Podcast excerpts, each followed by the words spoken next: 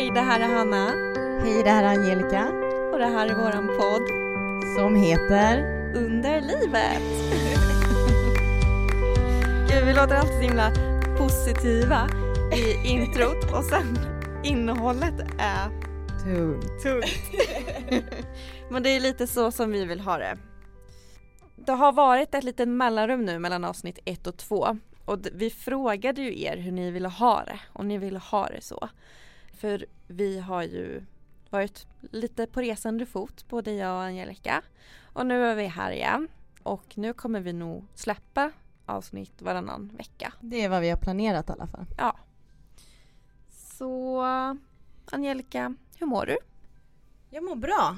Jag mår bra idag. Jag har haft ett gynbesök sen vi såg sist men det handlar om cellförändringar. Lite tungt besök. Känner kanske inte att jag vill gå in på det nu. Jag vet inte vad du tycker. Kanske gör vi ett eget avsnitt om det. Ja, men det tycker jag låter som en bra idé faktiskt. Men jag mår bra. Har varit på en vecka semester men jobbar nu då. Mm. Så att inga konstigheter här. Hur mår du? Jag eh, mår bra. Lite update sen sist att min eh, behandling där, att jag skulle fasa ut eh, sprutorna som jag tar som gör att jag hamnar i kemiskt klimakterium och bara ta Primolut Nor som är gestagener. Men eh, jag har fått blödningar och sådär och mer smärta under eh, min lilla semester så att eh, jag eh, tar sprutorna med tre veckors mellanrum igen och eh, sen så har jag börjat känna mig lite nedstämd och så. Och jag tar ju antidepressiva och jag har gjort det sen innan jul på grund av olika omständigheter. De har funkat ganska bra. Så att jag har faktiskt eh, inte behövt lägga någon energi och tid på min ångest. Men nu har det som sagt kommit tillbaka lite igen och jag vet inte om det är för att jag behöver höja den antidepressiva dosen eller för att det är biverkningar av eh, Primolut Nor. För när man håller på med hormoner så får man också biverkningar som påverkar humöret. Så att jag vet inte riktigt vad som är vad. Eh, jag får ta upp det med min läkare. Du får ta det sen men det kan ju vara en kombination av att du har börjat öka dosen också. Ja, det kan det vara. Jag tänker att jag ska försöka och ta det liksom lugnt i sommar och försöka njuta och göra saker som jag mår bra av. Det måste vi båda göra, alla göra.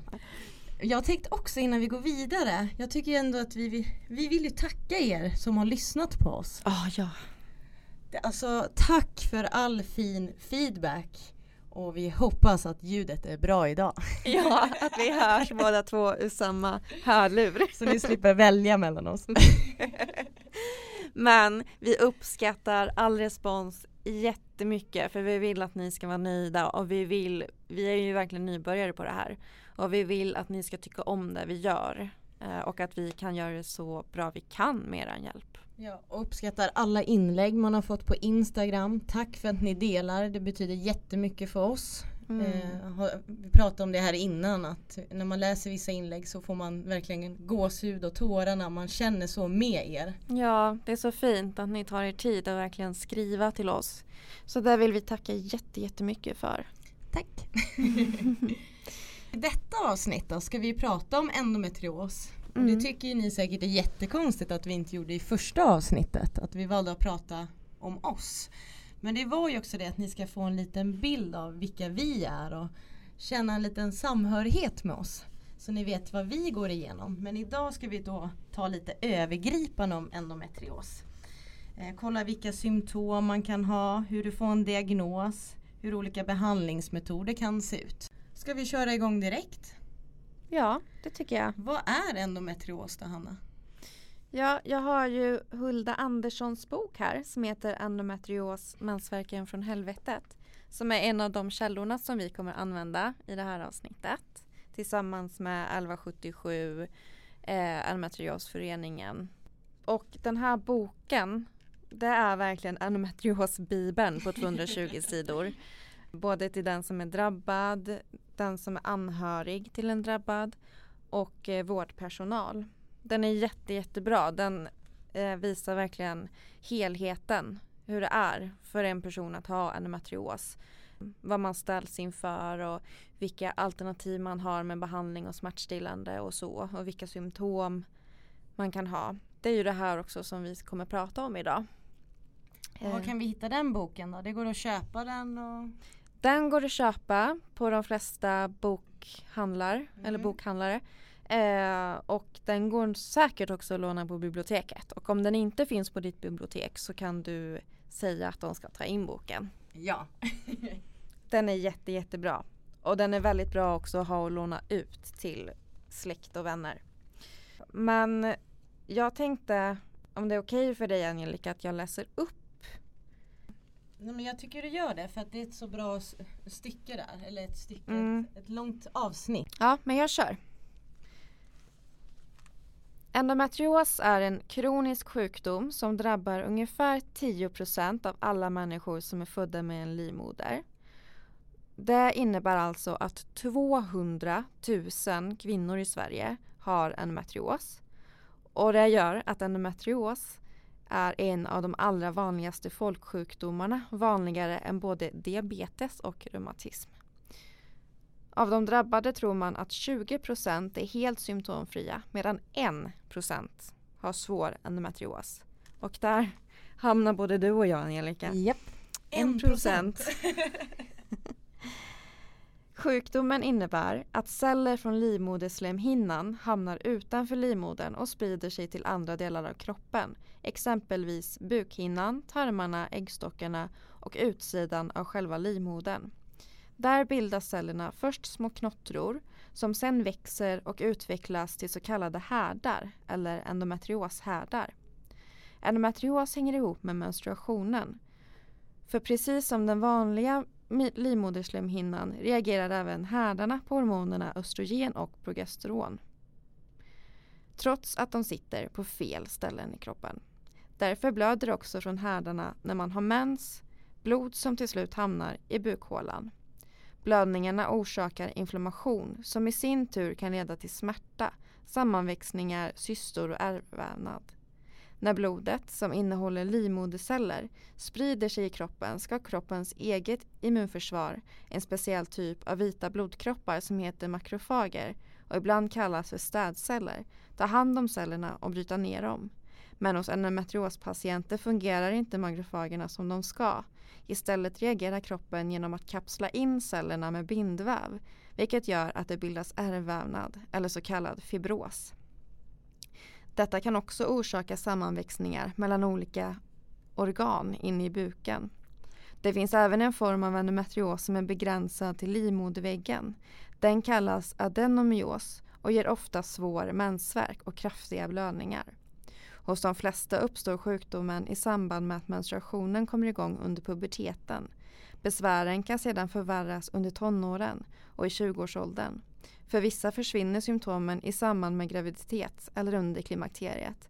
Men för många kvarstår symptomen hela livet.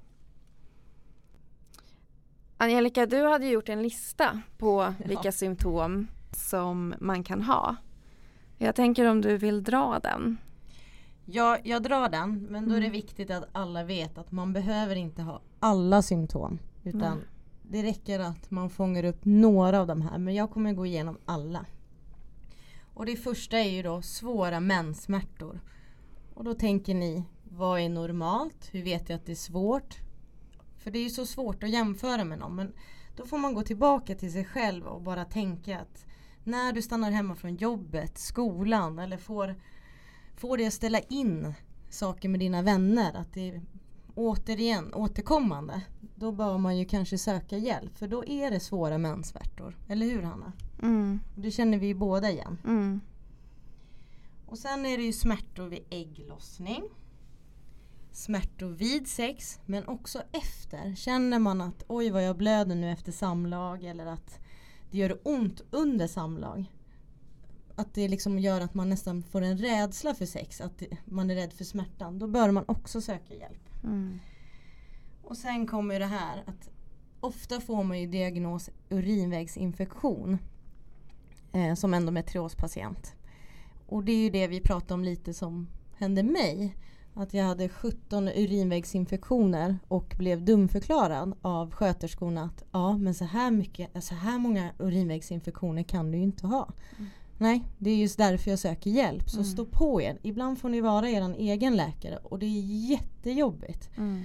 Men då kan det ju vara skönt kanske att ta med någon till de här besöken. Mm, det är ett jättebra tips.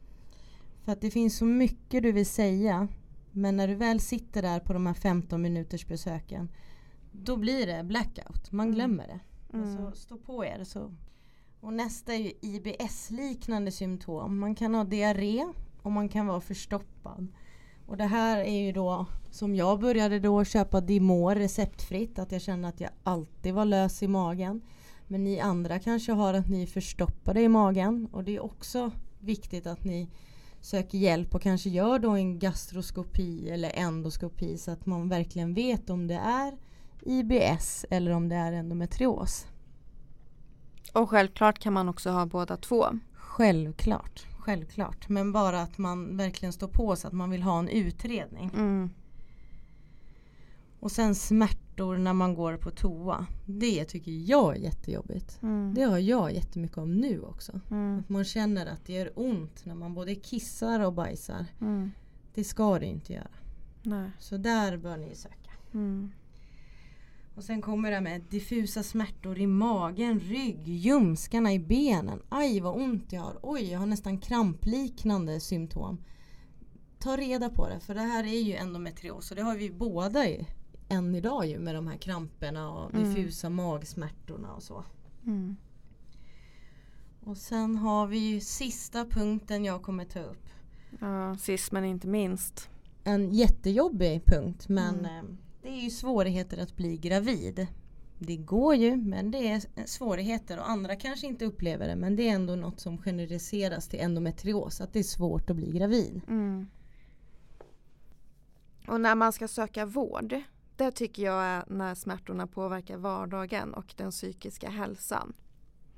Och då kan man söka via ungdomsmottagningen om man är i den åldern, vårdcentralen eller egen remiss till gynekolog, kvinnoklinik eller en matriosmottagning. Jag tycker det är jättebra som själv jobbar inom vården med egen remiss. Mm. Det har inte funnits jämt. Att ni kan faktiskt gå in på 1177 och skriva en egen remiss det tar lite tid men då har ni ändå någonting på gång. Men jättebra att det finns och våga mm. gå in och skriv. Man kan inte mer än få ett nej och då fortsätter man ändå. Mm. Och eh, kom ihåg att ni har rätt till en second opinion. Om ni får höra av en läkare att ni antagligen inte har endometrios sök vård igen. För det tar i genomsnitt upp till åtta år att få en diagnos verkligen stå på er. Det spelar ingen roll om det är fem eller tio läkare. Mm. Det är ert liv det är och eran kropp. Mm. För det jag har lärt mig i den här vårdkarusellen är att man alltid känner sin kropp bäst. Om man känner på sig att något är fel så sitter det inte bara i huvudet. Ska vi gå igenom lite vad det finns för behandlingsmetoder? Ja, Uh, får jag dra den här? Ja, gör det. Och jag fyller till, alltså jag lägger till liksom ja. om jag kommer på något här. Ja. Man brukar börja med preventivmedel utan sockerpiller eller hormonspiral och liknande eftersom de här innehåller hormoner som kan förhindra att man får mens. Och då utgår man ju liksom från att ingen mens är lika med ingen smärta. Och så är det säkert för många. Men så har det inte varit för mig. Och eh, jag och min läkare har verkligen experimenterat med det mesta. Jag har tagit dubbeldos minipiller. Jag har tagit dubbeldos minipiller kombinerat med andra preparat som jag har tagit en större dos av. Så när den här nivån av behandling inte ger den effekt man önskar så kan man gå vidare till preparat som innehåller bara gestagener. Eh, typ Visan eller Provera. Jag har provat, eller eh, Primolut Nor också är ju en sån som jag tar nu. Jag har provat Provera men det funkar inte helt och hållet. Visan har jag inte provat. För den måste man betala för själv och det är väldigt dyra tabletter. Jag tror att en ask för tre månader kostar typ 500 spänn eller något sånt där. Och då ingår det inte i vårat högkostnadsskydd? Nej. Okay. Nej. Jag tror, man har i alla fall kunnat göra det. Eh, sök, ansöka om att få dispens på kostnaden. Men jag vet inte hur lätt det är och om man fortfarande kan göra så. Men om inte den behandlingsnivån funkar så återstår GNRH-analoger som jag har googlat lite på men jag förstår fortfarande inte riktigt vad det är. Jag har ju också stött på det så jag tänkte nu tar hon det så slipper jag förklara. jag har ingen aning. Men jag, jag har den behandlingen. Och den, det är en av de tyngsta behandlingarna man kan få. Eh, så man brukar prova den när inget annat funkar. Och den används, eller har använts i alla fall, i behandling av prostatacancer till exempel. Så det känns lite, man fattar liksom att den är ganska tung då. Men det som händer i kroppen är att östrogenproduktionen stryps helt och hållet. Så att man sätter kroppen i konstgjort klimakterium. Typ. Och man får samma biverkningar som om man vore i det riktiga klimakteriet. Och det är ingen dans på rosor kan jag säga dig Tack för den. Gud, svettningar, humöret, ah, ja, ja. allt. Allt. Oj, oj, oj. Fy, jag har verkligen fått ny respekt för eh, damer. Och jag känner ju av det som inte äter de här GN... Ja, GN, HR. Ja. ja, vi lämnar det så. Men jag känner ju av förändringar i kroppen med bara hormoner. Mm.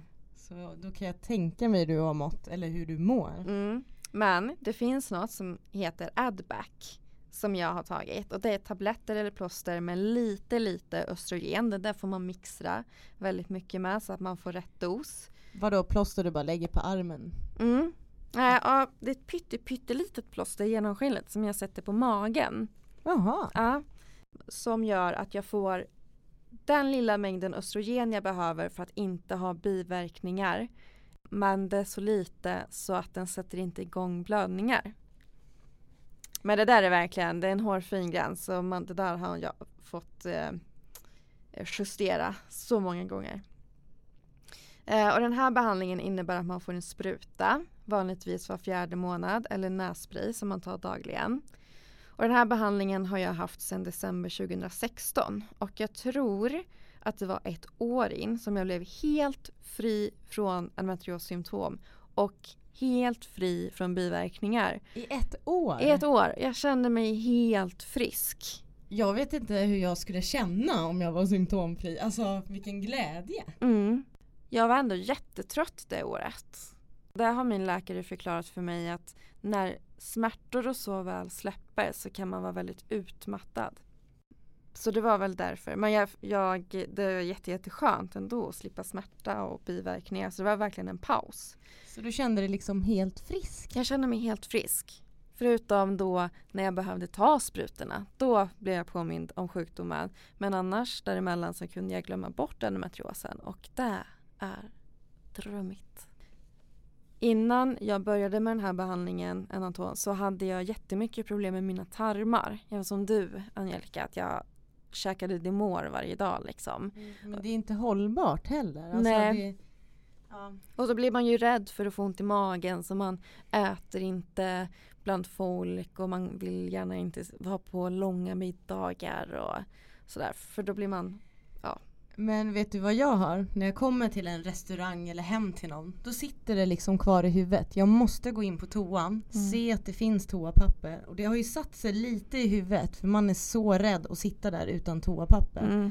Så man har först tryckt i sig två, tre Dimor som är typ max. Man tar två först och sen en om det inte går över. Mm. Men det är ju den här rädslan med det sociala liksom. Så usch. Ja men det, det sätter verkligen sina spår i hjärnan på en. Verkligen. Men eh, de problemen försvann helt och hållet. Gud vad skönt, vad mm. avundsjuk jag mm. Ja men jag, alltså om någon hade frågat mig om jag ville ha en sån eh, eh, stomi då hade jag sagt ja direkt. Så illa var det. Och nu är, det, är den helt problemfri. Så det är jätte, jätteskönt. Men den senaste tiden så har behandlingen dock slutat ha som bra effekt. Som jag sa. Eh, och jag har fått ta sprutorna varannan vecka igen. Uh, ett tag hade jag hormonspiral samtidigt. Men den tog jag ut ganska fort för jag upplevde att jag fick mer smärtor och blödningar. Man, blir väldigt, man får ju prova väldigt mycket hit och dit i behandlingar och det är ju, man blir ju väldigt trött av det. Men det är värt det. För en dag kommer man hitta något som funkar. Men det är den lilla trappan i alla fall. Och det är också det att vi har ju inte samma typ av behandling du och jag. Nej. Utan man får tänka på det nu när man lyssnar att allt det här som fungerar för Hanna, kanske fungerar för Angelica, kommer kanske inte funka för dig. Så att som Hanna säger, prova, hitta vägar och eh, till slut kanske ni också kan få ett år helt smärtfritt. Som man ändå liksom, ja men som du nu, du berättar om det för att det är så fantastiskt. För att vi lever ju med det här varje dag. Mm. Det finns ju olika, alltså om inte behandling funkar eller om man inte vill ta massa hormoner av olika anledningar så finns det ju andra smärtstillande metoder. Jag tänkte vara lite egoistisk och berätta lite om vad som funkar för mig. För mig just nu fungerar det väl inte. om jag ska vara ärlig. Men eh, det är ju det att man tar Alvedon, Naproxen. Fungerar inte det så tar jag ju Oxynorm. Eh, för jag har varit hos smärtteamet och det är det som är sagt att det fungerar för mig. Men sen finns det andra morfinpreparat. Eh, Oxynorm eh, morfin. Ja, och det finns ju andra morfinpreparat. Så det här är det som jag har fått. Betyder inte att andra ska ha det. Utan det här är väldigt individuellt. Mm. Beroende på vilken typ av endometrios man har också. Vilken smärta. Mm. Men Oxynormen hjälper ju. Men skulle jag vara på jobbet och ta den så blir jag ju så fruktansvärt trött. Så det vill jag inte göra. Eh, så det är också därför jag har bokat tid. Så det här är ju inte det jag kommer ha. Men det är det jag har just nu. Eh, jag går väl igenom lite allmänt vad det finns för smärtstillande då. Jag börjar med de här receptfria. Och många blir ju faktiskt hjälpta av det här, till exempel paracetamol som finns i Alvedon. Men också NSAID, alltså antiinflammatoriska som också är bra, som finns i Ipren. Eh, ibland kanske det räcker bara med Alvedon, ibland behöver man kombinera detta. Så att, eh, det här är väl första steget för en smärtbehandling. Då. Mm. Och om inte det funkar så brukar man gå vidare till opioider som finns i olika styrkor. Exempelvis kodin såsom Citodon eller morfin och fentanyl. Och här är ju jag just nu och det är inte kul. Man blir trött av sjukdomen och man blir trött av de smärtstillande tabletterna. De är ju väldigt starka. Väldigt starka. Mm, och jag kan inte dricka alkohol med mina vänner när det är sånt häng för då måste jag liksom välja mellan eh, smärtstillande och alkohol och oftast väljer jag smärtstillande för annars orkar jag liksom inte vara med ändå. och det finns en risk att bli beroende och tolerant. Så det finns en ambivalens i mig.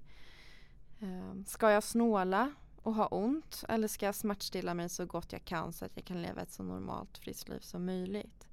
Och så kan jag liksom undra ibland vad alla läkemedel gör med min kropp i lång, på lång sikt. Det är skitläskigt med alla piller och preparat men jag behöver dem ju för att överleva varje smärtsam dag.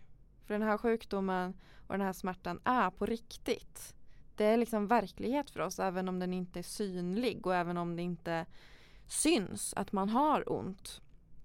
Så är det en ständig kamp inuti och det är väldigt otäckt vad smärta kan göra med en människa. Det är som du beskriver där att du liksom det här med att man är rädd att få ont i magen, att du går och kollar om det finns toapapper. Alltså det blir ju sådana där hjärnspöken hela tiden och man blir trött och De ligger ju där undermedvetet hela tiden. Ja, ja jag skulle jättegärna vilja prata om det här med våran gäst som kommer om några avsnitt som är läkare. Eh, hur man egentligen ska tänka med de här eh, smärtstillande. Sen har vi antidepressiva tabletter också som faktiskt kan användas mot till exempel nervsmärta. Eh, Saroten är en sån och det har jag provat. Eh, men jag blev som en zombie och så blev jag jättetorr i munnen. Det lägger sig ju till slut tror jag. Men jag stod inte ut. Men det är värt att testa om ni får det förslaget från er läkare. För alla är ju olika liksom. Och jag fick ju också det nu efter min operation. Mm. Och jag känner ju precis som du skriver att jag blev en zombie. Mm. Jag, fortsatt, jag har det på recept men jag har Mm. inte fortsatt att ta det. Nej, Och det är det enda jag fått och det var just för nervsmärtan sa de att just det. du behöver inte äta den varje dag sa de till mig. Jaha. Mm, att man skulle ta den vid skov. Men sen återigen, olika läkare, olika metoder. Men jag äter inte det idag för jag blev också en zombie. Ja. Ja, man får lyssna på sin läkare. Och sen finns det om man inte vill ta värktabletter eller om det inte räcker så kan man ju få smärtlindring genom värme, typ vetekuddar och varma bad. Och man kan få smärtlindring med TENS. Det använder jag väldigt mycket. Mm. Eh, det funkar bra för mig. Ja. Det låter ju väldigt sjukt nu men det är som att det blir en annan typ av smärta som släcker ut endometriossmärtan. Mm, ja, ja, alltså, ja, ja. Fattar du vad jag menar? Mm, alltså, ja. Det är liksom så sjukt men det är så skönt att känna någon annan typ av smärta. Ja, det, man, man kan fokusera, gud vad jag gick upp i varv på det här. Jag med. Men det här att man kan få någonting annat att fokusera på. en annan känsla, alltså känsla bara. Ja, Så för mig funkar det jättebra och det finns ju att köpa. Jag köpte min på Clas Olsson. Mm. Jag tror inte den kostar mer än 699 men det finns ju billigare. Men jag valde ändå en som hade lite extra starka program. Mm, jag tror att det behövs faktiskt. Man kan ju också låna gratis från fysioterapeuten och de brukar vara sådana rejäla och bra. De är jättebra. Mm. Och Eh, så kan man ju få smärtlindring med akupunktur. Och det har jag provat en gång eh, hos min fysioterapeut på en matriosmottagningen. Det funkade inte mot smärtan. Det gör det kanske för andra. Men däremot var det jätteskönt att få slappna av fastän jag hade smärta. För annars när man har smärta så är man ju väldigt så här, stel och spänd vilket gör att man får ännu mer ont. Liksom. Så jag kunde liksom slappna av och jag blev trött och lite härlig och mysig liksom. Mm. Jag har inte provat det men det är väl ändå något att rekommendera just för avslappningens skull. Ja, det rekommenderar jag verkligen. Och sen kommer ju mitt område här, lägga om kosten. Nej jag skojar.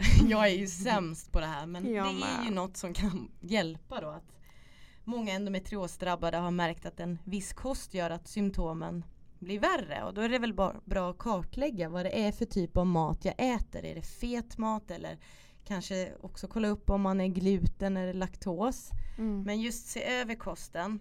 Och ett bra sätt är att föra en matdagbok för att utesluta de här produkterna som gör att ja, ni får smärtor och att symptomen ökar. Just det, det finns en bra app som jag vet att många oss använder som heter Foodmap. Foodmap? Ja, Mhm. Vadå, du skriver in allting du äter eller är det som en... alltså jag har inte använt den själv men jag vet att det är många med endometrios som använder den. För att den är bra. Men då rekommenderar vi den. Ja. Gratis på App Store. Jajamän. Träning är ju alltid bra mot allt. Det är inte bara för endometrios. Fysisk aktivitet är ju bra för alla människor. Det stärker ju psyket och man får även en starkare kropp. Mm. Eh, det är ju speciellt viktigt för i alla fall endometriospatienter att träna upp bålen. Och dessutom kan ju fysisk, fysisk aktivitet leda till en typ av smärtlindring. Och det är också ett bra verktyg för att hantera sjukdomen. Mm. Och lite det här att du tröttar ut dig och du blir trött av att du har tränat och inte av endometriosen. Alltså du, fysisk ansträngning är ju också jättebra. Mm. Och ett tips är att prova olika typer av träning och hitta det som fungerar bäst för dig. Mm. Det kanske inte är att löpträna och springa 40 minuter. Det kanske är ett yogapass eller bara en promenad. Mm. Jämför aldrig, hitta ert sätt. Det är jättebra. Och var, var liksom glad för det ni kan göra och tänk inte på det ni inte klarar av. Fokusera på det ni faktiskt gör. Och sen så kan man också bli smärtstillande med hjälp av avslappningsövningar och kognitiv beteendeterapi, alltså KBT. Eller jag ska väl inte säga att man blir smärtstillad av KBT, det kanske var lite fel. Nej men jag, alltså, jag förstår vad du menar. Men ett, ett annat tänk av... Ja, det är viktigt att kunna hantera sin smärta så att man får en fungerande vardag. Jag har ju haft jättebra hjälp med, av en kurator och det var jätteskönt. Vi hade liksom ingen speciell behandlingsplan utan det var bara ett samtal när jag behövde det. Ibland lite tätare, ibland lite längre isär. Och det var jätteskönt att bara ha en timme då jag fick fokusera på hur jag själv mådde och hur jag själv tänkte om saker. Utan att känna att personen mitt emot liksom ställer krav tillbaka. Jag har ju också provat kurator och det fungerade ju bra eh, Mm. men går inte hos någon idag Mm. utan eh, jag har hittat mitt egna sätt. Ah, vad är det? Alla som ringer mig, mina kompisar säger ja, när de ringer mig så städar jag eller tvättar. Jag gör det två gånger i veckan. För det är min grej. Jag har min tid, jag tänker på annat och jag gör ofta det när jag har som sämst dagar. Är inte det Mhm. jättekonstigt? Alltså det är lite meditativt för dig att städa. Ja, men det är ni andra kanske diskar eller går en promenad men för mig är det att det är fokus på annat, Mm. KBT. Lägg fokus på något annat. Mm. Nu är det dammsugningen, okej det är ont när jag böjer mig men du fokuserar fortfarande på något annat. Jag vet att det här låter jättesjukt Nej det låter men det jättebra. funkar, hitta egna sätt. Ja. Men för att få lite tips, det här fick jag från kuratorn. Hon sa ju det, skriv i en måldagbok, vad funkar för dig? Vad får dig glad? Och jag är helt sjuk i huvudet som gillar att städa. Men det var ändå det att då ansträngde jag mig samtidigt som jag, Just det. alltså är ni med? Mm. Så att eh, man, jag tycker ändå, ta hjälp av kurator, hitta strategier och kanske hittar ni något själv som jag. Men också våga gå och prata när ni mår dåligt. Ta Mm. tag i det igen. Liksom. Mm. Och det här var väl liksom en liten överblick vad endometrios är, vilka symptom. Och kom ihåg, ni behöver inte uppfylla alla. Eh, gå tillbaka till er själv som Hanna sa, ni känner er bäst själv. Eh, och det här med smärtstillande och behandlingsmetoder, väldigt individuellt. Men hoppas att det har gett er någonting och kanske något nytt som ni vågar prova. För idag kommer vi nog avrunda här. Mm. Mm. Så tack så jättemycket för idag Angelica. Tack själv! Och tack alla som har lyssnat. tack, tack! Ni får jättegärna följa oss på Instagram. Jag heter Hanna Oredsson där. Och jag heter Angelica med C och Hackala, H-A-K-A-L-A. Och så har vi ett Instagramkonto för podden som heter Underlivet podd. Så gå in där och titta när vi lägger upp nästa avsnitt. Våga skriv, skriv privat om ni vill. Vi svarar när det finns tid. Vi är bara jätteglada att ni lyssnar på oss. Ja, vi vill ha massa respons. Massa. Och tips om vad vi kan prata om Mer och tips. vad vi inte ska prata om. och så får ni jättegärna prenumerera på podden. Ge jättegärna betyg och recensera oss jättegärna i podcastappen. Och tipsa jättegärna om den här podden till någon som behöver höra den. Det är så många där ute som är så ensamma i sin sjukdom. Det kanske är din syster, din partner, din kollega, din kompis, vem som helst. En av tio har en matrios. Det är jättemånga. Jättemånga. Hoppas att det har gett er något idag. Vi tackar för oss. Mm, tack så mycket. Hej då.